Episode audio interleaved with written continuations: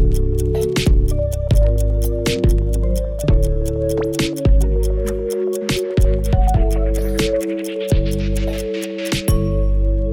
Dlaczego w wielu z nas poczucie krzywdy czy żalu tak długo się gotuje i tak trudno jest się go pozbyć? Skąd się bierze właśnie um, to poczucie nieufności wobec tego, że inni mają e, dobre intencje, że nie próbują nas wykorzystać? E, dlaczego długo chowamy urazy i nie potrafimy wybaczać? Jaki to jest schemat nieadaptacyjny, z którym pracuje się między innymi w terapii schematu? W jaki sposób y, jest on związany ze schematem deprywacji emocjonalnej, czyli przekonaniem, że nasze potrzeby nie są ważne i nie zostaną zaspokojone przez innych, jak też zazębia się ze schematem opuszczenia, niestabilności więzi, czyli takiego poczucia, że, y, że i tak wszyscy nas opuszczą, więc nie można im do końca zaufać albo się zaangażować czy zbliżyć.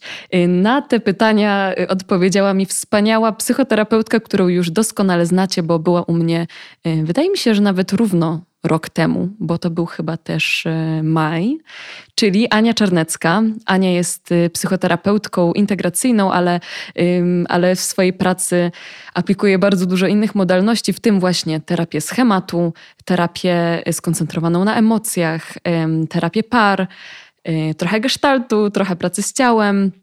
Jest też psycholożką, coachem, Ania prowadzi y, ośrodek w Warszawie Inner Garden i robi bardzo, bardzo dużo rzeczy związanych z rozwijaniem swojej praktyki, z systemem wewnętrznej rodziny, na który też często się powołuje w naszej rozmowie. Y, także y, świetnie i bardzo ciepło przyjęliście, przyjęłyście Anię w zeszłym roku, dlatego postanowiłam zaprosić ją po raz drugi i coś przeczuwam, że nie ostatni, dlatego że z Anią mi się rozmawia fenomenalnie. Ania jest naprawdę ciepłą, doświadczoną, pełną anegdot i wątków y, rozmówczynią, z którą można rozmawiać godzinami y, i która mnie niezwykle inspiruje w swoim podejściu do pacjentów. Także, także porozmawiałyśmy no właśnie o tym schemacie nieufności, skrzywdzenia i towarzyszących mu innych schematach. Jest więc też dużo o pracy z terapii schematów, pracy z krzesłami, pracy z samowspółczuciem. Bardzo, bardzo obrazowa praca, która pomaga gdzieś y, odkleić się od tego poczucia skrzywdzenia, odkleić się od tej tożsamości ofiary i nauczyć się wybaczać, puszczać i, i nabierać gdzieś większego zaufania w bliskich relacjach. Także zapraszam Was do tej rozmowy z Anią Czarnecką. Oczywiście, jak zwykle, bardzo dziękuję wszystkim patronom i patronkom, którzy wspierają mnie na Patronajcie. Jeżeli chcecie dostawać newsletter y, z poleceniami ze świata kultury, to zapraszam Was do dołączenia do subskrypcji. Y, zawsze linkuję w opisie każdego odcinka, także jest to dosyć łatwe do odnalezienia. A jeżeli chcecie zobaczyć różne fragmenty i treści uzupełniające ten odcinek, to zapraszam na Instagram sznurowadła.myśli bez polskich znaków. Tam publikuję regularnie. A teraz już nie przedłużając, zapraszam Was do tej fascynującej rozmowy z psychoterapeutką y, Anią Czarnecką. Aniu, bardzo się cieszę, Naprawdę, bardzo się cieszę, że wróciłaś do sznurowadą. Mm, ja też się cieszę Dlatego, bardzo. że naprawdę no, słuchacze cię świetnie odebrali i, mm, e, i byli mi. zachwyceni naszą rozmową o schemacie wadliwości wstydu która trochę zahaczyła o izolację społeczną, pamiętam, i o opuszczenie. O opuszczeniu trochę dzisiaj też będziemy rozmawiać. Natomiast dzisiaj przyczynkiem do naszej rozmowy jest schemat nieufności, skrzywdzenia głównie mm. i towarzyszący mu właśnie opuszczenia, niestabilności więzi i deprywacji emocjonalnej. Tak. Czyli takie bardzo ze sobą gdzieś tam sprzężone jednak schematy. I z jestem, jednej grupy, z tak, jednego obszaru. Tak, tak. I jestem bardzo ciekawa twojej pracy i twojego doświadczenia gabinetowego wokół właśnie takich e, schematów, bo wiem, że wiele słuchaczy, słuchaczek się z tym boryka. E, więc na początek chciałabym chciałabym zacząć od tego schematu nieufności skrzywdzenia, mm. dlatego że e, wiem, że dla wielu osób jest to bardzo trudne do odklejenia się od takiego poczucia krzywdy i poczucia bycia ofiarą i takiej nieufności wobec intencji mm. innych mhm. ludzi. To znaczy takiego odbierania ludzi jako zagrażających tak. I, i takiego dopatrywania się, wiesz, złych intencji, manipulacji. To jest właśnie totalnym sednem tego schematu, tak. prawda? Tak, właśnie tak ten schemat ma to do siebie, że przez to, że doświadczyliśmy realnych krzywd, że e, zadawano nam ból, e, zaczynamy w ten sposób myśleć w ogóle o, o świecie, o innych ludziach, że ludzie są krzywdzący, zagrażający, spotka nas coś złego, będziemy w jakiś sposób zdradzani, manipulowani, oszukiwani, e, opuszczani, bo opuszczenie, o którym też pewnie za chwilkę powiemy, też jest rodzajem skrzywdzenia. Więc y, tak, te osoby mają takie radary wystawione na krzywdę, na możliwą krzywdę i spodziewają się jej zewsząd. I to prowadzi do nieufności, do ciągłego napięcia, do podejrzliwości, może nawet takiej trochę paranoicznej e, podejrzliwości. I również niestety osoby te mają tendencję do chowania urazy, do pamiętliwości, do podtrzymywania w sobie e, tego uczucia żalu, um, uczucia krzywdy, e, poczucia bycia właśnie ofiarą innych. I to, to już jest bardzo destrukcyjne dla tej osoby.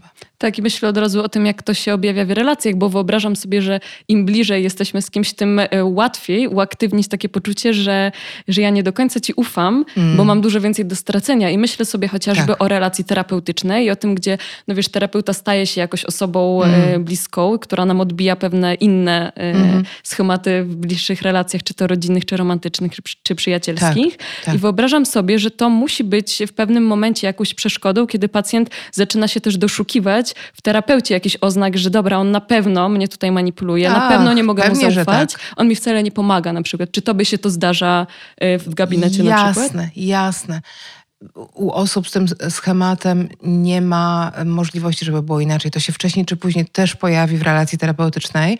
Mm, wręcz powiedziałabym, e, prędzej się pojawi w pierwszym e, e, roku, nie wiem, dwóch latach relacji, a, a później będziemy mogli z tego wychodzić. Mhm. Bo z, zobacz, powiedziałam rok, dwa lata, więc to też pokazuje, jak długo się pracuje często z osobami z tym schematem. No bo to jest najpoważniejszy schemat, jeden z najpoważniejszych schematów, kiedy doświadczamy krzywdy od najbliższych osób, które miały nas kochać, miały być naszymi opiekunami. To jest największa zdrada, największy cios w serce, kiedy dziecko, które e, wyciąga rączki do rodzica, który ma być jego bezpieczną przystanią, pragnie znaleźć w nich ukojenie, że, że, że ten rodzic staje się oprawcą, staje się katem. E, więc e, no nic dziwnego, że i my jako takie obiekty mhm. przywiązania, bo stajemy się nimi jako terapeuci, takim wypożyczonym rodzicem na czas terapii, będziemy też doświadczać tej nieufności właśnie, tej podejrzliwości. Ale tutaj naszym zadaniem jako terapeutów jest oczywiście to korygować, więc e, w tym e, procesie ograniczonego, powtórnego rodzicielstwa my będziemy starać się być takim niezawodnym, taką niezawodną figurą, no kimś, kto naprawdę jest godny zaufania. A jak to będziemy budować? Przede wszystkim przez to, że będziemy godni zaufania, czyli mhm. jeżeli będziemy coś mówić, to tak będzie, nie będziemy Odwoływać sesji. Odwoływać sesji. No może odwoływanie sesji niestety no, będzie się będzie zdarzać, bo jest to częścią życia, ale będziemy jakoś słowni w tym, kiedy się umawiamy i na kiedy. Będziemy odpisywać na SMS-y, kiedy, jeżeli się umówiliśmy, że odpiszemy danego dnia. Mm, będziemy też przecież y, korygować te doświadczenia, skrzywdzenia przez y, mm, techniki, interwencje doświadczeniowe, wyobrażeniowe. Więc w momencie, w którym my jako terapeuci, nasza e, postać wchodzi do wyobrażenia naszego pacjenta, do e, jakiejś sceny z dzieciństwa, w której pacjent doświadczył skrzywdzenia, i my, jako ta osoba dorosła, zaopiekujemy się tym małym ja, tym małym e, pacjentem w tamtej scenie, czyli sprzeciwimy się krzywdzeniu, staniemy w jego obronie, mm, nie pozwolimy na krzywdę mm, ze strony opiekuna, najczęściej rodzica. Mm, damy ukojenie dziecku, damy mu absolutną troskę, będziemy przy nim, będziemy przy nim jako taka opiekuńcza, chroniąca, kojąca postać, to stajemy się coraz bardziej wiarygodni dla naszego pacjenta. Mm. Tak? On, on zaczyna nas przeżywać i o to chodzi właśnie, jako osobę, która nie jest krzywdzicielem, jest kimś, kto chroni, troszczy się, mm, jest bezpieczną bazą, bezpieczną przystanią. I to jest leczące. Mm. I wtedy możemy to poczucie zaufania, że skoro terapeuta nam regularnie przez ileś miesięcy czy lat pokazał, mm. że jest godny zaufania, że nas nie skrzywdzi, to rozumiem, że możemy wtedy to poczucie zaufania przełożyć na inne bliskie relacje Oczywiście. i nie być podejrzliwymi. Tak, dokładnie o to chodzi, bo w momencie, w którym ta relacja z terapeutą staje się taka bezpieczna, że pacjent coraz bardziej nam ufa, coraz bardziej jakby przekonuje się, że nie jesteśmy zagrażający, wręcz przeciwnie, jesteśmy kimś, kto naprawdę ma intencje wspierania, pomocy, ochrony, opieki, to zaczyna to rozszerzać na inne osoby. Na, w ogóle zaczynam myśleć, że no, są tacy ludzie, istnieją tacy ludzie, to jest możliwe bycie w takiej relacji. Um, tak. Właśnie tak się dzieje i to jest, e, myślę, e, jakby kluczowe. Też tutaj jeszcze jedną rzecz chciałabym zaznaczyć, że mm, my jako terapeuci ważne jest, żebyśmy odpowiadali wprost na pewne pytania, które nam um, o, o, zadaje pacjent, bo część terapeutów, zwłaszcza z innych nurtów, nie wiem, pewnie psychodynamicznych czy psychoanalitycznych, będzie mm, e, e, interpretować, czy będzie jakoś troszeczkę odwracać, e, sprawdzać, co właściwie ma na myśli pacjent pytając. Oczywiście to, to jest bardzo ważną częścią również procesu terapii, ale tutaj nasi pacjenci z tym schematem, oni potrzebują jasności, klarowności, przejrzystości, że jeżeli pytają nas o to, gdzie jedziemy na wakacje, to mówimy, gdzie jedziemy na wakacje, tak? A dlaczego pani dlaczego nie? gdzie jadę na wakacje? nie wiem.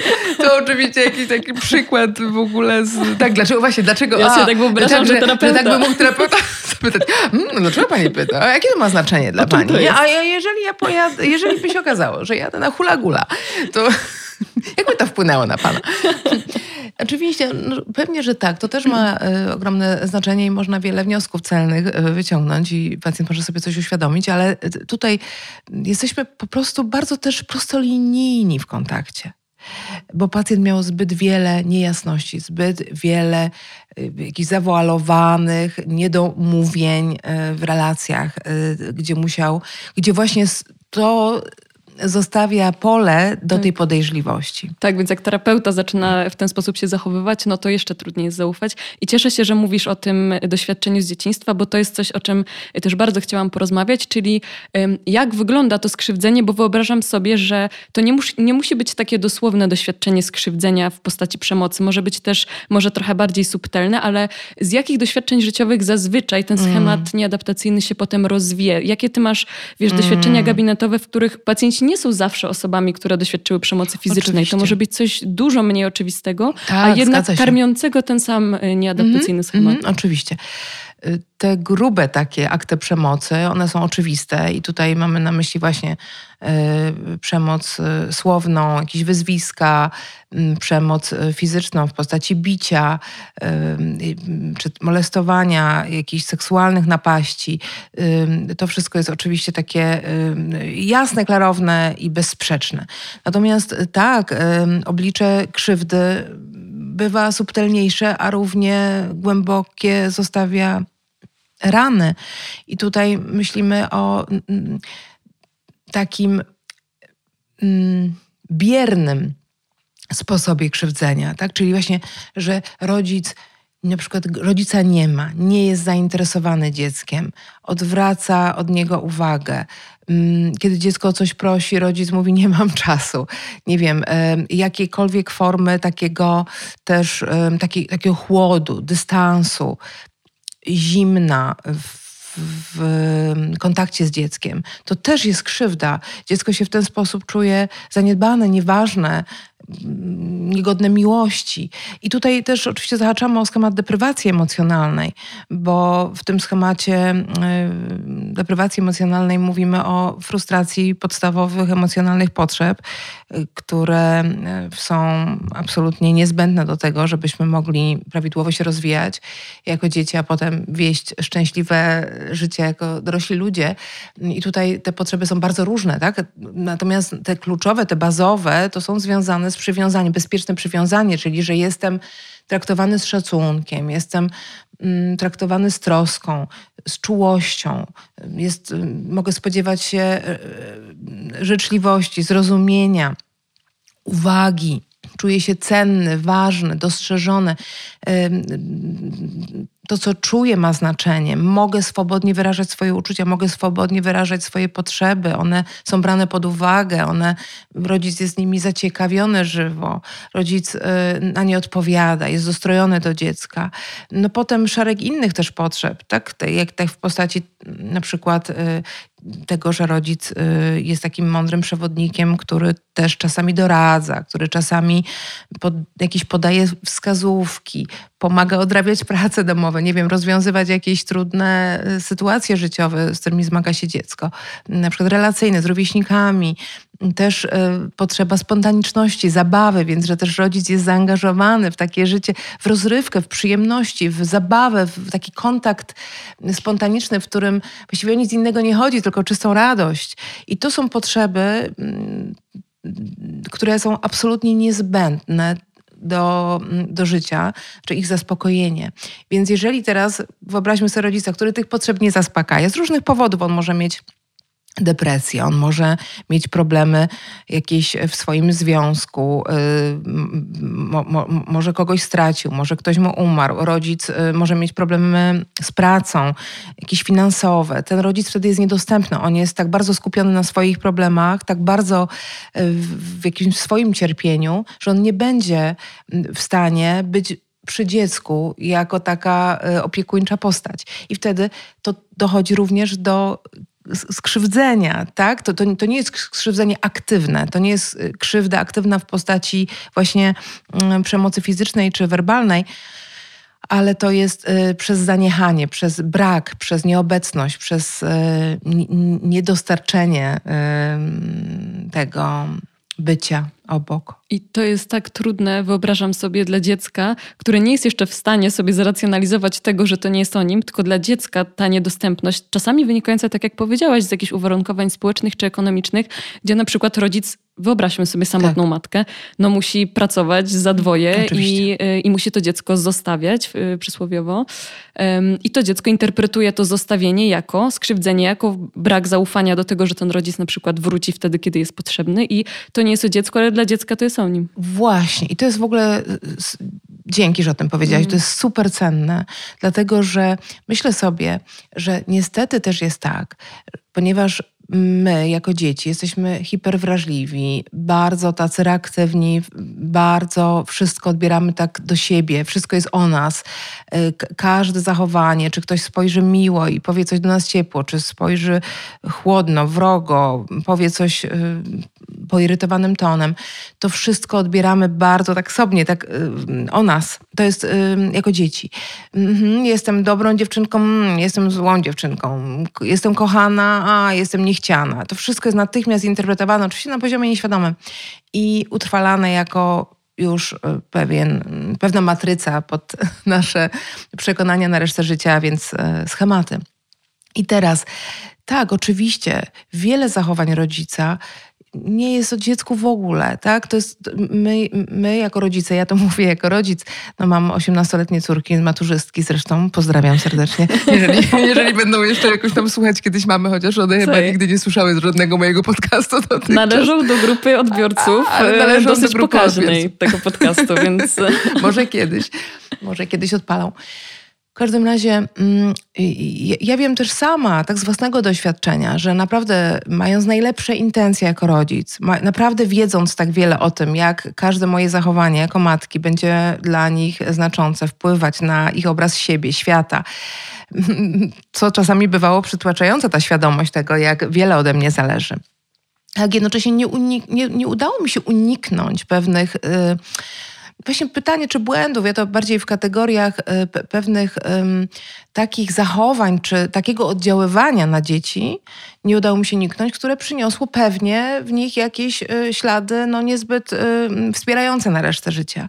I teraz nie o to chodzi, że, żeby też jakoś nie dostrzegać y, krzywdy dziecka, usprawiedliwiać nadmiernie siebie jako rodzic, ale żeby zobaczyć, że my naprawdę jako rodzice nie będziemy nigdy idealnymi opiekunami. Po prostu nie ma takiej możliwości, dlatego że my też mamy swoje potrzeby, my też mamy swoje zranienia, my też mamy swoje. Mm, życiowe, różne kryzysowe sytuacje, które będą nas po prostu od tego dziecka momentami odciągać. Czasami będziemy po prostu naprawdę no, musieli y, zmierzyć się w czymś w życiu i to dziecko będzie chwilowo, no, może troszkę w danym momencie nie do końca będzie sfrustrowane. Ono nie dostanie tej uwagi tyle, ile ono potrzebuje. I dziecko to interpretuje po swojemu. Dziecko, dziecko widzi, mama mnie opuszcza, tak? Dziecko widzi, mama, mamy, nie było mamy dla mnie. Dziecko widzi, za dużo pracowałaś, tak? Za dużo cię nie było w domu, tak? I, i jakby nie bierze pod uwagę tego, że rodzic nie miał wyjścia trochę, musiał, bo na przykład, nie wiem, zmieniał zawód, zmieniał, uczył się, musiał się edukować, musiał się dokształcać, musiał być poza domem w tamtym momencie, ale dziecko już przeżywa to jako e, element opuszczenia. E, I ono, ono już to interpretuje, nie jestem wystarczająco ważne dla mojej mamy, są ważniejsze dla niej sprawy. Więc e, najlepszy rodzic, chociażby taki, mówię o naj, najbardziej mądrym rodzicu, takim, który naprawdę ma świadomość, wie o co biega w rodzicielstwie i jak to wszystko ma fundamentalny i bezsprzeczny wpływ na resztę życia, to no nie unikniemy tego, że nasze dzieci, y, że dzieci po prostu będą zranione przez swoich rodziców w jakiejś mierze. I teraz. Jeżeli dodamy do tego, y, tak, jeżeli tam jest frustracja potrzeb, a ona będzie, bo podobno wszyscy mamy schemat deprywacji emocjonalnej, jeżeli jesteśmy ludźmi, -hmm, to, -hmm. to z pewnością w jakiejś mierze, no właśnie dlatego chociażby, że nasi rodzice nie byli doskonali i nigdy nikt nie słyszał o tym, że istniał jakikolwiek idealny i doskonały rodzic na świecie. Mm. Więc y, jakieś nasze potrzeby były sfrustrowane, więc jakieś przez to myśli na swój temat, że nie jestem wystarczająco ważny, doceniony, kochany, na pewno w naszym e, umyśle powstały.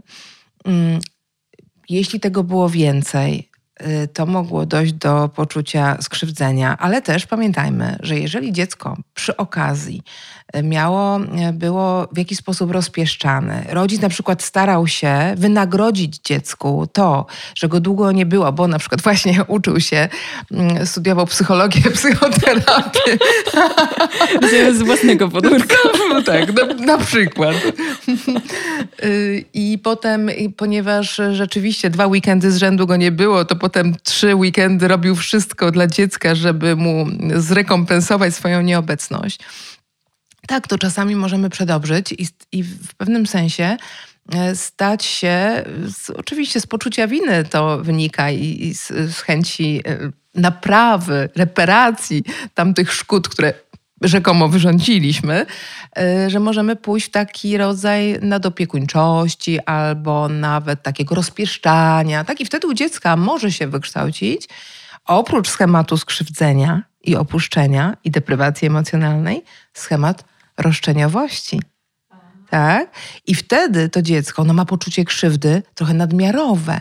Ono, bo ty nigdy, bo ty zawsze, a czemu cię tutaj nie ma, a czemu tu jesteś, a, czy, a czemu tu jesteś, to nie, masz tu być.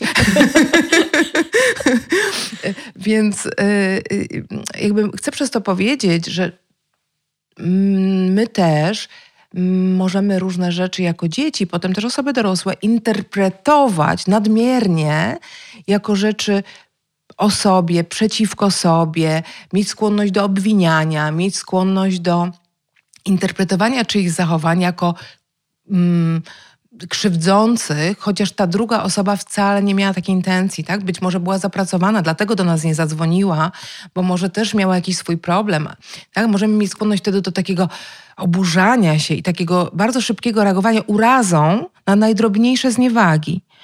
Więc w tym sensie chcę powiedzieć, że to jest bardzo delikatna kwestia, bo oczywiście, że nie umniejszamy, w żadnej mierze nie umniejszamy mm, tych no, realnych krzywd, które miały miejsce. Nie umniejszamy tego, że mamy prawo czuć się zawiedzeni, skrzywdzeni, osamotnieni i to wszystko są bardzo e, adekwatne i no, po prostu e, istniejące uczucia. Więc, żeby je zobaczyć, żeby je uznać, to jest częścią procesu zdrowienia i w terapii jest to absolutnie najważniejsze i kluczowe.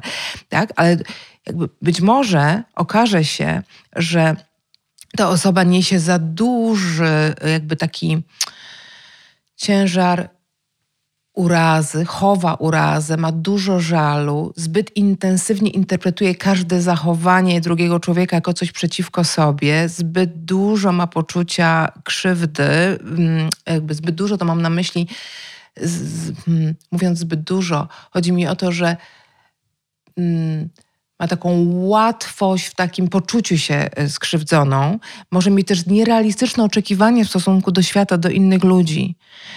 Mm, oczekując, że oni będą zawsze dla niej, że będą zawsze y, odpowiadać na wszystkie jej potrzeby. I to y, rodzi takie poczucie taki, bycia takim gniewnym, mhm. zgorzkniałym, y, cały czas w pretensjach, w żalu, takim tak. rozżalonym, takim tak. wiecznie niezaspokojonym. Tak, wyobrażam sobie też to w dorosłości, kiedy to jest na przykład skierowane wobec innych relacji niż romantyczne, na przykład przyjacielskich, gdzie jakby to po prostu nie ma szansy zdać egzaminu, gdzie w dorosłych relacjach przyjacielskich no, nie możemy wymagać od przyjaciół, że będą Absolutnie. nas przyjmować we wszystkim, że będą rozumieć każdą naszą decyzję. Tak. Więc wyobrażam sobie, że pojawia się wtedy takie poczucie gniewu, że ten mhm. przyjaciel nie jest taki, mhm. jaki byśmy chcieli. Nie jest takim idealnym, bezwarunkowo tak, nas akceptującym tak. i zawsze dla nas dostępnym tak. obiektem A to przecież nie jest rolą przyjaciela, Właśnie. prawda? On nie jest naszym opiekunem, Ani partnera. a my jesteśmy dzieckiem. Tak. Bo tak. też od partnerów czasami wymagamy zbyt wiele. E, chociaż może, możemy też trochę więcej. Mm -hmm, Ale tak, oczywiście. Y, jeszcze się nikt taki nie narodził i się nie narodzi, kto zaspokoi wszystkie nasze potrzeby. A niestety te, jakby tak du dużo krzywd z obszaru właśnie rozłączenia, utraty więzi, um, opuszczenia, właśnie z tych schematów, skrzywdzenia, opuszczenia, deprywacji emocjonalnej, i no, jeszcze wadliwości na dokładkę, bo to wszystko prowadzi do poczucia, nie jestem wystarczająco dobry i, i, i wystarczająco kochany. To y, tam, jest takie, tam jest taka uraza, ta, może być taka sącząca się uraza, która zatruwa, y, zatruwa tego, który ją przeżywa. Tak? To tak jak w tym słynnym powiedzeniu, chowanie urazy jest jak picie trucizny, y, y nie, jest jak trucizna, którą sami pijemy, tak? Coś takiego że to nie jest, y, to, to, to nie jest coś, co się opłaca. Tak, no ale niestety wiele osób wchodzi w takie poczucie krzywdy na długie lata, a czasem na całe życie. Hmm, wyobrażam sobie, że to jest takie bardzo też ruminacyjne, że, że trudno jest odkleić się od tego milenia cały czas w głowie tego, że, że nie jest tak jak, że ludzie się nie zachowują tak, jakbyśmy chcieli, że mamy do nich cały czas o coś żal, tak. że bardzo trudno jest po prostu puścić, bo znam wiele osób, które no właśnie mają takie podejście, że pojawia się konflikt, ten konflikt jest jakoś tam przegadany, mm -hmm. zażegnany i one Właśnie. po prostu nie pamiętają zupełnie tego, tak. że to już jest kolejny na przykład konflikt. Mm -hmm. A znam takie, które potrafią po 10 latach ci coś mm -hmm. wypomnieć mhm. i ty już w ogóle mhm. zakopałaś to gdzieś mhm. głęboko. Um, tak. I wiesz, myślę też o tym po prostu, jak to na przykład też predysponuje do rozwinięcia wszelkiego rodzaju zaburzeń, um, czy to nastroju, czy lękowych, gdzie twoja głowa nie pozwala ci się w ogóle odkleić od takich natrętnych myśli, w których ty się nakręcasz wręcz, tak. myśląc o tym, jak bardzo bardzo jesteś zła na te osoby, jak bardzo one nie dowożą tak, jakbyś chciała. Tak. E, a to jest z takiego miejsca rzeczywiście nierealistycznego, w którym, no tak, jest to potrzeba z dziecka do opiekuna, który nam tak. czegoś nie dał, ale ona nie ma, nie ma to po prostu przełożenia na relacje dorosłe. Te, te dorosłe osoby nam One tego nie dadzą. To nie, nie dadzą, nie, nie dadzą. Nikt nam tego nie da. Ewentualnie możemy próbować dać to sami sobie. I to jest jedyna osoba, do której możemy przyjść z taką prośbą i, i z, takim, z takim oczekiwaniem. I też nie zawsze damy to samym sobie, bo też mamy różne rzeczy do zrobienia, które będą nas odciągać od samych siebie. Po prostu, tak? Bo jesteśmy w świecie, w którym trzeba pracować, płacić podatki, e, robić różne rzeczy, które niekoniecznie e, chcemy robić, lubimy robić i to sfrustrowane dziecko, które mm, nie wzięłaś mnie na lody, ono się w nas też odezwie. Natomiast mm, wiesz, tak jak powiedziałaś, to, to e, jest, to tak jest, że chowanie urazy, zapieczona złość, żal, to wszystko w ogóle zwraca się do środka, bo to jest coś niewyrażonego, to jest coś w środku, coś, coś takiego zapieczonego, takiego mm, taki grumpy, nie? Taki ten, to jest taki ten, um, taki, taki e, styl radzenia sobie, w którym nie odpuszczając innym, tak naprawdę yy, cały czas zalewamy siebie tymi bardzo yy, nieprzyjemnymi, ne negatywnymi, no po prostu bolesnymi emocjami, i tym samym substancjami chemicznymi, które wypełniają nasz organizm, prowadząc do zaburzeń y, różnych układów, y, do problemów z krążeniem, z ciśnieniem krwi. Zaczynamy mieć, zaczynamy mieć problemy y, z układem pokarmowym, migreny itd. Tak itd. Tak I oczywiście zaburzenia również psychiczne, labilność nastrojów, e, depresja, lęki, wszelkiego rodzaju zaburzenia snu. Tak naprawdę no, nie opłaca się stale mieć poczucie niezadowolenia, że inni ludzie nie spełniają naszych oczekiwań. E, oni nie będą spełniać naszych oczekiwań, to już sobie mówimy, ale może w jakiejś mierze będą. Może ktoś spełni takie, takie nasze pragnienie, a ktoś inny inne. Może ta osoba zaspokoi część naszych potrzeb, a inna osoba tę drugą część, której ta pierwsza nie była w stanie zaspokoić. Mm. A na pewno warto odróżniać realne krzywdy od wyimaginowanych i wyobrażonych. Na pewno nie warto pielęgnować w sobie urazów z przeszłości, bo one, one się już zdarzyły, one już miały miejsce, one już nie istnieją, to już jest, to już jest coś, co się wydarzyło.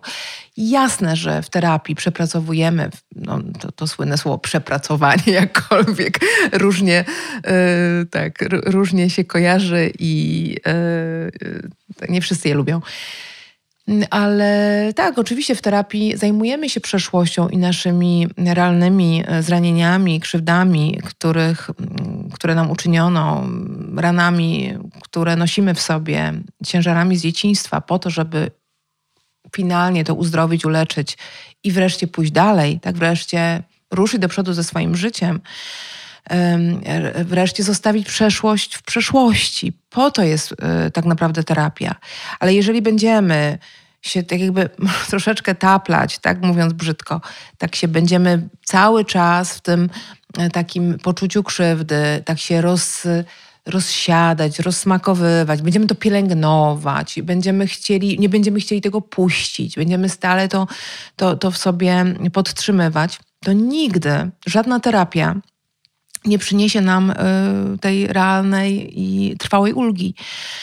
I niestety przyznam, że są osoby, klientopacjenci w terapii, którzy, mm, którzy mają taką skłonność do pielęgnowania urazy, do ciągłego takiego przeżuwania jeszcze raz i jeszcze raz i jeszcze raz tych samych um, negatywnych emocji i, I, tak naprawdę, pomimo tego, że w terapii oczywiście robimy szereg rzeczy, żeby wreszcie to naprawdę w pełni poczuć, naprawdę się z tym skontaktować, wyrazić to, zaadresować do, konkret, do konkretnych osób i tym samym wreszcie to puścić, wreszcie to, żeby to się wydarzyło, żeby można było postawić kropkę i właśnie iść dalej, iść e, do przodu w swoim życiu, to są osoby, które nie potrafią, pomimo tych wszystkich y, y, wysiłków y, terapeutycznych, mm, tego, tego, tego puścić. Tak jakby to bycie bycie cierpiętnikiem, bycie, bycie kimś skrzywdzonym, bycie kimś, kto, kto tak bardzo był niesprawiedliwie potraktowany, było taką silną, jakąś taką wiesz, właściwością ich tożsamości, tego, kim oni sądzą, że są, jak oni siebie widzą, oni siebie opisują, że rozstanie z tym to by była dekonstrukcja ja. To, to dla, dla, nich to jest zagrażające wręcz, myślę sobie często. Po drugie, mogą mieć poczucie, że wtedy. Opuszczają samych siebie, że kiedy mieliby wreszcie wybaczyć, no bo tak naprawdę dążymy w no, takim idealnym scenariuszu, który nie istnieje, ale no, nazwijmy to najbardziej optymalnym, chcemy, żeby wreszcie no, finalnie można było, mówiąc, pu puścić to w takiej naprawdę optymalnej wersji, przebaczyć. Ale przebaczyć nie oznacza nic się nie stało i nie absolutnie, wybaczam ci, nie zrobiłeś nic złego. Nie, przebaczenie to jest, to, to jest na samym końcu procesu. Najpierw ja rozpoznaję swoją, swoje zranienia, swój smutek, rozpacz, zawód, poczucie bycia zdradzonym. Potem przechodzę do gniewu, rozpoznaję tą złość. Ta złość jest adaptacyjna. Ona, jest, ona mi pozwala naprawdę w pełni jakby no, wyrazić y, niezgodę na to, jak cierpiałem przez lata. A potem potem ja mogę wreszcie może przebaczyć. Przebaczyć, czyli powiedzieć, okej, jesteś wolny, już jakby uwalniam ciebie od, od tej sytuacji, już, już nie, że zapominamy, tylko w tym momencie po prostu puszczamy już to, pozwalamy temu odejść. To się wydarzyło, już do tego nie wracamy. jesteś człowiekiem, ja też ci jakoś przebaczam, wiem, że jesteśmy ludźmi i popełniamy błędy.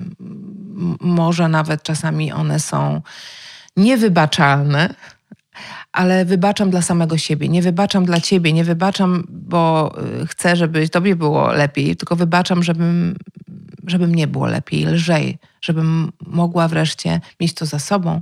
I wtedy otwiera się przestrzeń na zdrowe relacje, na zdrowe kontakty z ludźmi, na mogę zapraszać już bardziej świadomie do swojego życia osoby, które nie są krzywdzicielami.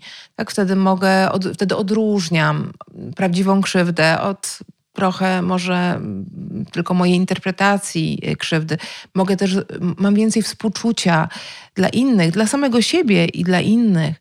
Mm, też jestem, nie jestem tak zawzięty, nie jestem tak tak surowy w ocenie y, innych ludzi. Też wiem, że ludzie naprawdę generalnie starają się najlepiej, jak potrafią. Bo jeżeli działamy w jakiś sposób dzisiaj, to nie dlatego, że jesteśmy źli, podli, wstrętni, tylko dlatego, że inaczej nie potrafimy, że to jest to, y, na co nas stać. Dzisiaj mam zasoby, żeby tak działać. Mm, Pewnie, że może można zawsze trochę bardziej się postarać. Mówię tutaj o mm, staraniu się w relacjach, o tym, żeby być najlepszym, mm, znaczy takim najbardziej właśnie współczującym y, człowiekiem, jak to możliwe, ale czasami naprawdę nie mamy zasobów w danym momencie, nie mamy jakiejś świadomości, jesteśmy zmęczeni, jesteśmy, różne rzeczy, nas, boli nas ciało, przeżywamy jakieś trudne emocje i czasem zachowamy się po prostu niewłaściwie. I też częścią tworzenia zdrowych relacji, tworzenia szczęśliwego życia jest y, mm, właśnie taka współczująca postawa, taka akceptująca, wyrozumiała, życzliwa. Okej, okay, to sprawiło mi ból, ale też rozumiem, że ta osoba w tamtym momencie inaczej nie potrafiła. Nawet jeśli powiedziała do mnie, że jestem głupia, być może w tamtym momencie była naprawdę wściekła, a może chciała poprawić sobie samopoczucie przez trochę umniejszenie mnie, bo wcześniej ktoś nazwał ją głupią. A może ta osoba ma tak niską samoocenę, że tylko hejtem i nienawiścią może poczuć, że jest y, coś warta i że to inni ludzie są fatalni, a ona w tym momencie siebie trochę powiększy i, i, i poczuje chociaż chwilową ulgę. Więc myślę sobie, że y, Kluczem też jest um, współczucie. Znowu współczucie. Powracam tak, do znowu współczucia. Znowu po roku nam wróciło. wróciło. Współczujące ja, um, tak. o którym opowiadałaś. Ja też myślę, to jest w ogóle piękne, co ty opowiadasz i wyobrażam sobie, jakie to jest też gratyfikujące w pracy z pacjentem, który dochodzi do momentu, w którym to wybaczanie i puszczanie staje się jakąś taką naturalną umiejętnością, ale wyobrażam sobie, że też y, bardzo trudne musi być odklejenie się też od, y, od tego poczucia krzywdy, bo to też jest taka trochę samospełniająca się przepowiednia. To znaczy, jeżeli ja doszukuję się ciągle krzywdy i tego, że ciągle ktoś mi chce zrobić y, źle, ktoś mnie chce wykorzystać, to ja trochę też generuję takie mm. sytuacje, mm. w których to się rzeczywiście spełnia. Tak. I teraz, jak opowiadałaś o tej, o tej pracy z pacjentem, to zastanawiałam się, wiesz, co jest, tak, to, co jest takim czymś decydującym, co pozwala wreszcie tym pacjentom puścić to poczucie. To znaczy, czy to jest tylko praca poznawcza, czy to jest praca na krzesłach, o których opowiadałaś rok temu w terapii schematów, czy jakby co jest takiego w mm. tej opowieści o mnie jako osobie wiecznie skrzywdzonej, która nie może nikomu zaufać, co jest takiego w pracy mm. z tym mhm. poczuciem, co pozwala wreszcie to puścić, bo wyobrażam sobie, że sama, samo uświadomienie sobie tego, że to jest y, nieadaptacyjne, nie wystarczy. nie, prawda? oczywiście, że nie. No niestety. Y, samo, y, myślę sobie, że, że, że sam, samo przesłuchanie tego podcastu też nikogo nie uwolni tak. od poczucia niestety. urazy, chowania urazy i zapieczonego żalu do kogoś. oczywiście, że tak. Bierz, już odpowiadam na, na, to pytanie. Jeszcze tylko się odniosę do pierwszej części tego, co powiedziałaś, czyli do y, tego, że y, sami prowokujemy mm, pewne sytuacje. Oczywiście, bo w momencie, w którym ja siadam naprzeciwko drugiego człowieka i moją myślą na jego temat jest to, że on na pewno jest kimś kto mi zagraża, kimś, kto może mi zrobić krzywdę, kimś, kto ma niecne zamiary, to ja już siedzę w energii obronnej I, a najlepszą obroną jest atak, więc ja mogę też zacząć go atakować. I mogę to robić zupełnie nieświadomie, w sposób subtelny, niekoniecznie właśnie też taki mm, wprost, mm, ale ja go będę w jakiś sposób być może prowokować do tego, żeby on mi wreszcie pokazał, żeby wyszedł z niego ten straszny, okropny człowiek, którym na pewno jest. E, więc tak, jeżeli my się spodziewamy, że ktoś nas skrzywdzi, no to będziemy zachowywać się w taki sposób, że pewnie się doczekamy jakiejś formy potwierdzenia. Samo sprawdzająca się przepowiednia to, to, to tak trochę właśnie e, w ten deseń. Mm. Więc e, z pewnością to, czy podchodzimy do ludzi z otwartą przyłbicą, czy podchodzimy do ludzi z taką myślą, że są ludźmi jak ja, że mają też swoje ciemne strony, ale też wspaniałe, piękne, jasne, że mamy w sobie i anioła, i diabła, i, i świętą, i ladacznicę. I mamy w sobie yy, tak, potencjalność mordercy, drapieżcy. Również mamy w sobie. I mamy w sobie tą um, najbardziej miłosierną postać e, prawie anielską. Tak, to, to wszystko jest w nas. I jeżeli ja widzę w tym drugim człowieku, to, że on jest podobny do mnie pod tym względem, że on też chce czuć się dobrze w świecie, chce być kochany, akceptowany. On może sobie radzić czasami nieadaptacyjnie, może czasami faktycznie e, ugryźć i pokąsać, tylko dlatego, że się bał właśnie, że mm, wolał zaatakować niż być zranionym. Jeżeli spojrzymy na, na, drugiego człowieka w ten sposób, to doświadczamy bezpieczeństwa w świecie, bo wiemy, że jesteśmy ludźmi, że płyniemy tą samą łodzią. To jest to wspólne człowieczeństwo, o którym mówi Christine Neff, e, badaczka współczucia wspólne człowieczeństwo, wspólne doświadczenie bycia człowiekiem. Nie różnimy się od siebie. Wszyscy cierpimy, wszyscy za czymś tęsknimy, wszyscy kogoś kochamy, wszyscy coś straciliśmy, wszyscy się z czymś zmagamy, wszyscy się boimy chorób, śmierci, y, odrzucenia. Więc y, w tym sensie nie zagrażamy sobie i jednocześnie trochę sobie zagrażamy. Ale jak zobaczymy, że tak naprawdę w tym wszystkim najbardziej nam chodzi o to, żeby być kochanym i żeby się spotkać, żeby przynależeć, to y, ten drugi człowiek staje się po prostu no, siostrą, bratem, przyjacielem, kimś bardzo podobnym do mnie. Ale dobrze, teraz troszkę odbiegłam od tematu, a ty mnie zapytałaś o techniki tak. e, na sesji. Nie, nie odbiegłaś. To mm -hmm. znaczy poszłaś też w to, co pomaga, zakładam, też zbliżyć się ku puszczeniu tego schematu, to znaczy uświadomienie sobie jakiegoś uniwersalnego y, bycia w świecie i uniwersalnego tak. doświadczania cierpienia w świecie, zmagania się w świecie. Więc myślę, że to jak najbardziej. Mm. Ale tak, zapytałam cię też o to, co, co przechyla szale, tak. bo wiem, że dla wielu osób praca czysto poznawcza nie wystarcza. To znaczy jesteś tak, tak jak powiedziałaś wcześniej, sklejone tożsamościowo z tym poczuciem skrzywdzenia, mm. że cała twoja konstrukcja osobowości by się y, zapadła, gdybyś ty nagle to puściła i, mm. i, mhm. i się z tą ofiarą nie utożsamiała utożsamiała, mm. więc, więc zwłaszcza, że, zwłaszcza, że tam jest jeszcze element, o którym nie, powiedzie, nie, nie powiedziałam wcześniej, a też jest istotny. Yy, takie oczywiście zupełnie iluzoryczne poczucie władzy, kontroli nad osobą, o której myślimy źle, któ którą, o której myślimy, że nas skrzywdziła, do której chowamy urazę i też poczucie, że ją w jakiś sposób właśnie karzemy za to i że staje się, trochę bardziej jest sprawiedliwie, że kiedy podtrzymujemy urazę, to troszkę więcej sprawiedliwości jest na tym świecie. Mm, zamiast zaufać, że jeżeli ona faktycznie y, dokonała strasznej zbrodni, w rozumieniu postąpiła niegodziwie, to y, no, prędzej czy później pewnie będzie się musiała skonfrontować w jakiś sposób albo z tym, że świat, inni ludzie jakoś jej to oddadzą. Niektórzy wierzą w karmę, niektórzy wierzą w to, że tak, y, jakaś tam opatrzność, jakaś tam kara tak czy inaczej przyjdzie ze świata zewnętrznego. Ale no tak, więc y, rzeczywiście dobrze, bo znowu się zgubiłam. więc dobrze, już odpowiadam, już odpowiadam na to łyczek, pytanie. Łyczek kawy najpierw. Y, mhm. Wiesz, Aniu, nie dlatego, że ja mam doświadczenia po prostu też pracy takiej cebetowej, tak, pracy tak. bardziej systemowej i widzę, że mhm. w pewnym momencie kończy się praca na przekonaniach, po prostu się kończy. Tak, Potrzebujesz tak. poczuć w ciele.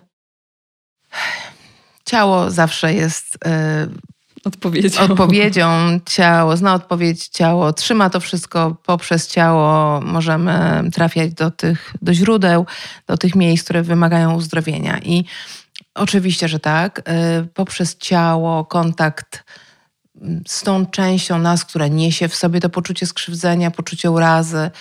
Mm, więc ja uważam, że wszelkie te interwencje terapeutyczne, doświadczeniowe, czyli praca wyobrażeniowa, najpierw w pierwszej e, kolejności, jako, jako pierwsza rzecz, e, myślę, że mm, ważne jest w ogóle wyrażenie wszelkich uczuć, znalezienie do nich dostępu i wyrażenie ich zaadresowanie do tego swojego e, właśnie prześladowcy, oprawcy. Mm, więc e, mm, tak jakby w, w, tej, w tym, w tym mm, w tej kwestii możemy to zrobić wyobrażeniowo, ale możemy też to zrobić używając krzesła, stawiając tę osobę wyobrażeniowo na tym krześle i po prostu naprawdę dając upust wypowiadając wszystko to, co przez lata nosiliśmy, co nam zalegało. Bo uraza ma to do siebie, że ona jest taka zapieczona i taka z, z, utwardzona w środku. Ona potrzebuje upłynnienia i tego, żeby mogła popłynąć na zewnątrz, czyli żeby ona dostała słowa, dostała, dostała taki nośnik w postaci mm, słów, które, je, które, które uprawomocnią wszystkie uczucia. I czasami ja zauważam też jako terapeutka, że moi pacjenci potrzebują na przykład przez rok tylko mówić o tej urazie, tylko mówić o tym, jak bardzo ich skrzywdzono, a dopiero potem, jak już to wszystko tak wypowiedzą, tak już wielokrotnie, naprawdę, naprawdę na wszystkie możliwe sposoby, właśnie na krzesełkach, czy w pracy wyobrażeniowej, to to, to zostanie e, wypowiedziane i tak usłyszane, nagłośnione, dopiero wtedy przychodzi moment, kiedy mogą przejść do kolejnego etapu, czyli takiego jakiegoś już um, um, na przykład zmiany sposobu myślenia o tym zdarzeniu i nadawania innych znaczeń, też jakby nie zauważaniu perspektywy tej drugiej osoby chociażby. Tak? Najpierw muszą uprawomocnić wszystko, co w nich, bo to dziecko w nich, najczęściej dziecko, bo oczywiście urazy są też z dorosłego życia, które nosimy, ale kiedy mówimy o urazach z dzieciństwa, to dziecko, e, ono najpierw potrzebuje być w pełni uprawomocnione, usłyszane, z całym tym bólem, z całym poczuciem zranienia z, mm, ze złością, z wściekłością, mm, ze wstydem, z upokorzeniem, bo często te zranienia to są zranienia z obszaru właśnie mm, no, schematu wadliwości, czyli takie uszkodzone, rana narcystyczna, krwawiąca, to jest bardzo często, stoi za chowaniem urazy. Więc tak, więc pierwsza, wracając do technik mm, terapeutycznych czy też interwencji, pierwsza rzecz to uprawomocnienie, to zrozumienie dla tych emocji, połączenie z tymi emocjami i danie im głosu, mm, nagłośnienie tego. To jest pierwszy etap. Drugi etap to jest zaadresowanie tych uczuć do tej konkretnie osoby, żeby ona w naszym przeżyciu, nawet jeśli ta osoba już nie żyje, nawet jeśli nigdy nie staniemy z nią oko w oko i nie, nie chcemy też tego z jakichś powodów, nawet jeśli moglibyśmy nadal, to żeby to zrobić w formie symbolicznej, poprzez pracę wyobrażeniową albo poprzez yy, technikę pustego krzesła. Potem przeszłabym do fazy, jeżeli faktycznie, mm, jeżeli faktycznie ta krzywda jest, mamy poczucie, że jest trochę wyolbrzymiona, że, znaczy wyolbrzymiona, że ona była też interpretowana przez lata jako coś takiego naprawdę strasznego, a ten rodzic na przykład miał, no, Wiemy o tym, że to był kochający rodzic, który tak naprawdę był sam może zagubiony, może miał jakieś swoje problemy, ale generalnie to nie był rodzic, który y, krzywdził dziecko bijąc je na przykład, y, czy wyzywając y, całymi latami. To możemy też zastosować taką interwencję, żeby pacjent usiadł na krześle symbolizującym tę osobę i wczuł się w nią, tak? Bo, jakby zobaczył, jak to jest być tą osobą, tą osobą z tamtego momentu, kiedy to się wydarzyło, żeby poczuć ją e, poprzez e, no, tak, takie głębokie wejście e, we współczuwanie i empatię e, w połączeniu z tą osobą. Ja wtedy proszę, zobacz to, jak to jest z jej perspektywy, wejdź w ciało i w, w umysł swojej mamy, czy taty, czy kogokolwiek, w jej serce. I zobacz, jak ty się czujesz w tym momencie, jakie, co ty przeżywasz, dlaczego tak postępujesz, co tobą co powoduje, co, co tobą mhm. kieruje. I nasi pacjenci, żeby mogli w ogóle to zrobić, a, a są pacjentami, którzy niosą w sobie to, tą urazę, to naprawdę nie róbmy tego na początku terapii. Tak, tak właśnie miałam powiedzieć, mm -hmm. że to musi minąć trochę czasu. Pamiętam, jak ktoś mi kiedyś powiedział, mm -hmm. musisz po prostu zaakceptować i puścić. I ja mówię, no kurczę, nie. jak my nawet tego nie omówimy, ja nie pozwolę mm. sobie poczuć tej całej właśnie urazy czy żalu za to, co się wydarzyło, to ja nie mogę puścić, prawda? To jest niemożliwe nie jest możliwe. Poza tym mm, pacjent mógłby odebrać to jako wręcz y, kolejną przemoc, nie, brak uznania dla niego, że on ma się wczuwać w tą drugą osobę, że on ma sprawdzać, jak to jest jej perspektywy, że on nie jest tak ważny, że ta osoba tak. jest ważna, że ona jest usprawiedliwiana, że ona jest, ona dostaje zrozumienie, zanim on dostał pełnię zrozumienia i uprawomocnienia. Tak my musimy naprawdę bardzo dużo najpierw y, pracy włożyć w to, żeby, żeby pacjent doświadczył, że my jesteśmy przy nim, że my go nie opuszczamy w tym, że my w pełni rozumiemy, jakkolwiek jakaś część nas może widzieć, że to są, to są nawet trosz, troszeczkę zdeformowane, czy też no, zinterpretowane bardzo negatywnie sytuacje, e, że tam ta uraza jest zbyt duża do e, przewinienia rodzica, ale widzimy to, że z perspektywy dziecka to jest po prostu krzywda, to jest rana. I my, naszym zadaniem jako terapeutów jest być tak długo przy tej ranie, przy, przy tym poczuciu krzywdy, żeby to się, żeby dziecko, to, to, ta cząstka dziecięca w naszym pacjencie doświadczyła ulgi, doświadczyła poczucia bycia przyjętym, zrozumianym, że to się wreszcie dokonało, że ktoś był, był czuły świadek tego wszystkiego, współczujący świadek. I dopiero jak to się dopiero, a to czasami naprawdę bywa, że mija i rogi dwa lata. Dopiero wtedy my możemy zacząć yy, jakby eksplorować też perspektywę tej drugiej osoby, żeby można było zobaczyć pełniejszy obraz tej sytuacji, żeby można było przebaczyć, żeby można było zobaczyć jej prawdziwe intencje, że może ona zachowała się w sposób, który naprawdę był krzywdzący, ale zobaczyć, że ona, co naprawdę, co głęboko w sercu miała, co czuła do naszego pacjenta w tamtym momencie ta mama czy, czy tata.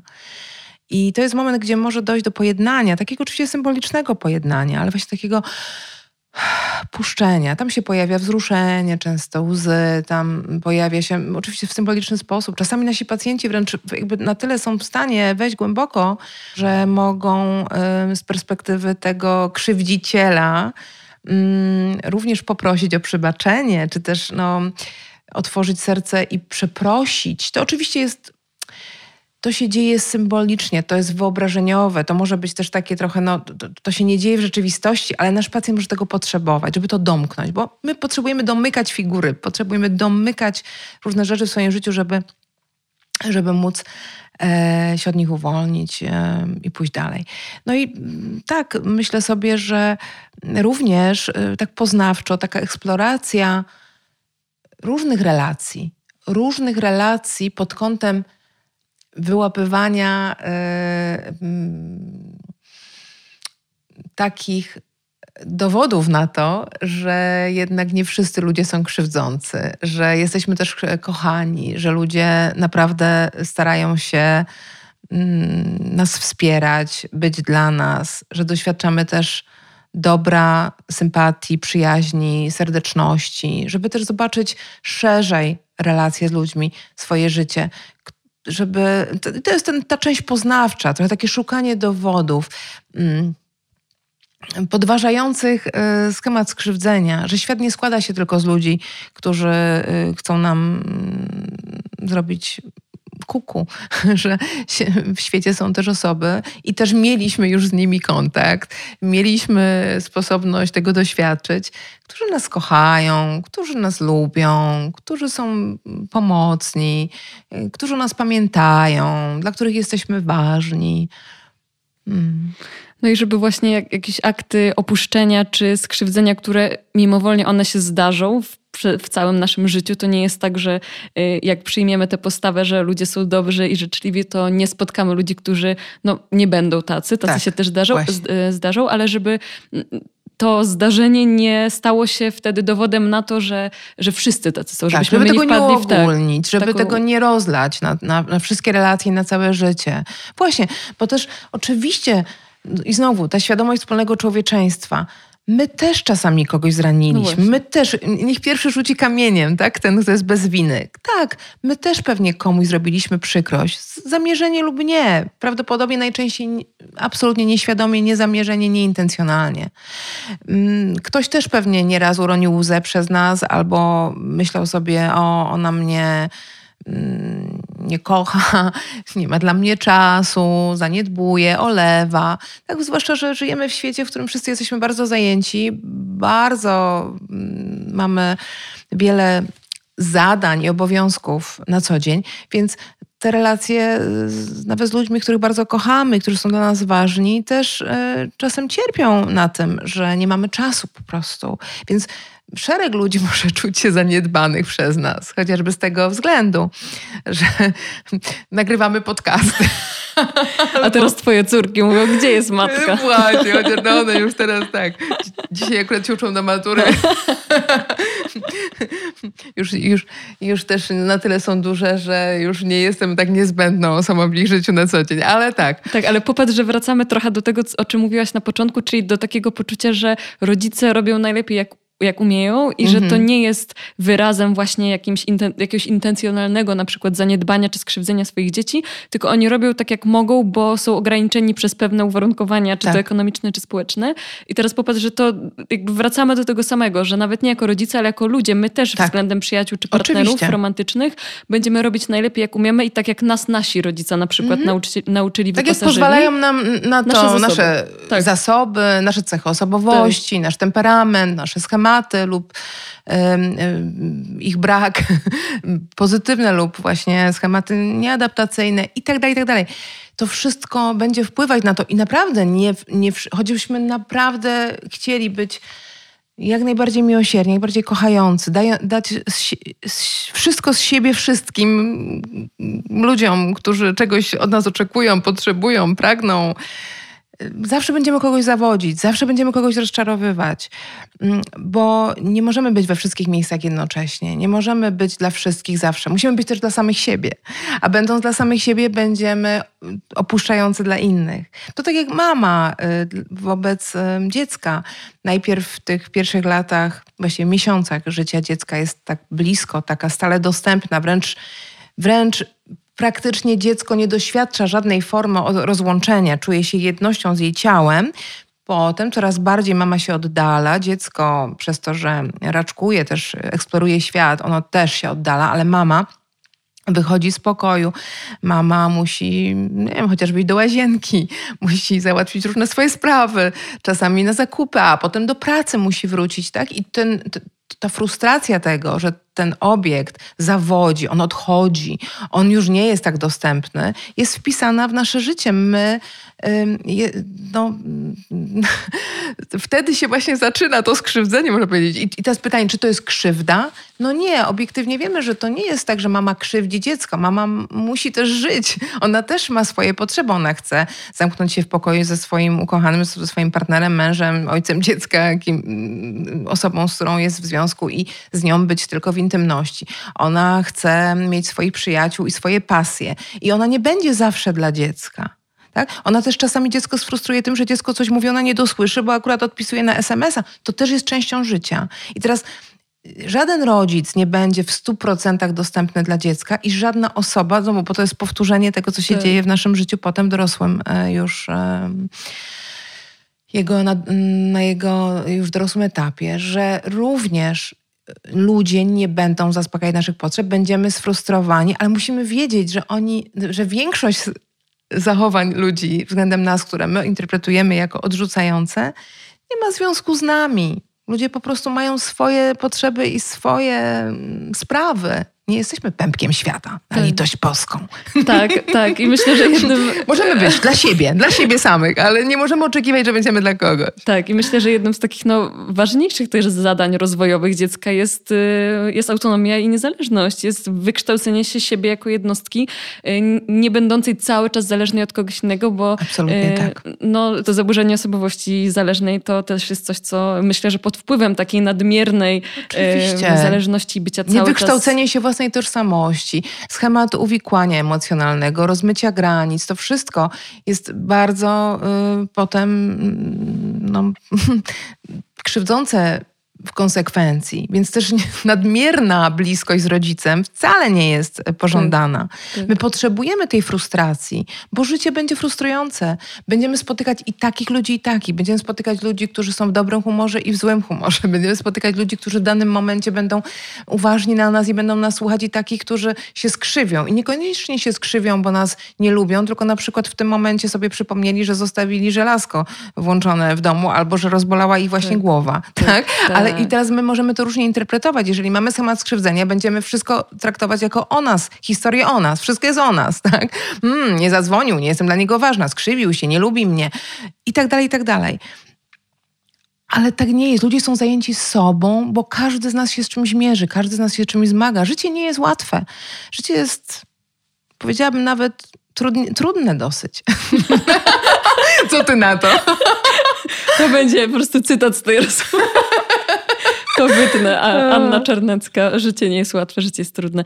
Aniu, y, hmm. bardzo Ci dziękuję za ogrom, po prostu ogrom ciepła i wiedzy, którą się podzieliłaś ze mną i z słuchaczami, bo y, wierzę, że tak wybrzmiewa z tego jednak jakieś takie poczucie też nadziei i poczucie, że no, że to się mm. wszystko zaczyna od współczucia wobec siebie i zrozumienia wobec siebie własnych ograniczeń, własnych niedoskonałości, które potem promieniuje na większe zrozumienie, a więc zdolność do wybaczania i puszczania wobec innych ludzi, którzy, tak jak powiedziałaś, postępują najlepiej jak umieją, a często to najlepiej jak umieją nie jest dla nas wystarczająco yy, odzwierciedlające i akceptujące. I to jest okej okay. i to jest jakoś wpisane w, w relacje dorosłe, bo już nie jesteśmy dziećmi, które mogą oczekiwać pełnego odzwierciedlenia przez rodzica, od tak. którego są zależne, więc bardzo bardzo Ci dziękuję za tę pełną nadziei rozmowę. Ja dziękuję. I naprawdę bardzo inspirująca. Ogromnie. Bardzo inspirująca. Na pewno zalinkuję y, do, do Twoich różnych linków, y, które mi podasz, czy to na socialach, czy, czy jeżeli ktoś by chciał, wiesz, o terapii schematów więcej poczytać, bo myślę, że to jest bardzo, bardzo inspirująca modalność, z której mm. można dużo czerpać. Bardzo Ci dziękuję.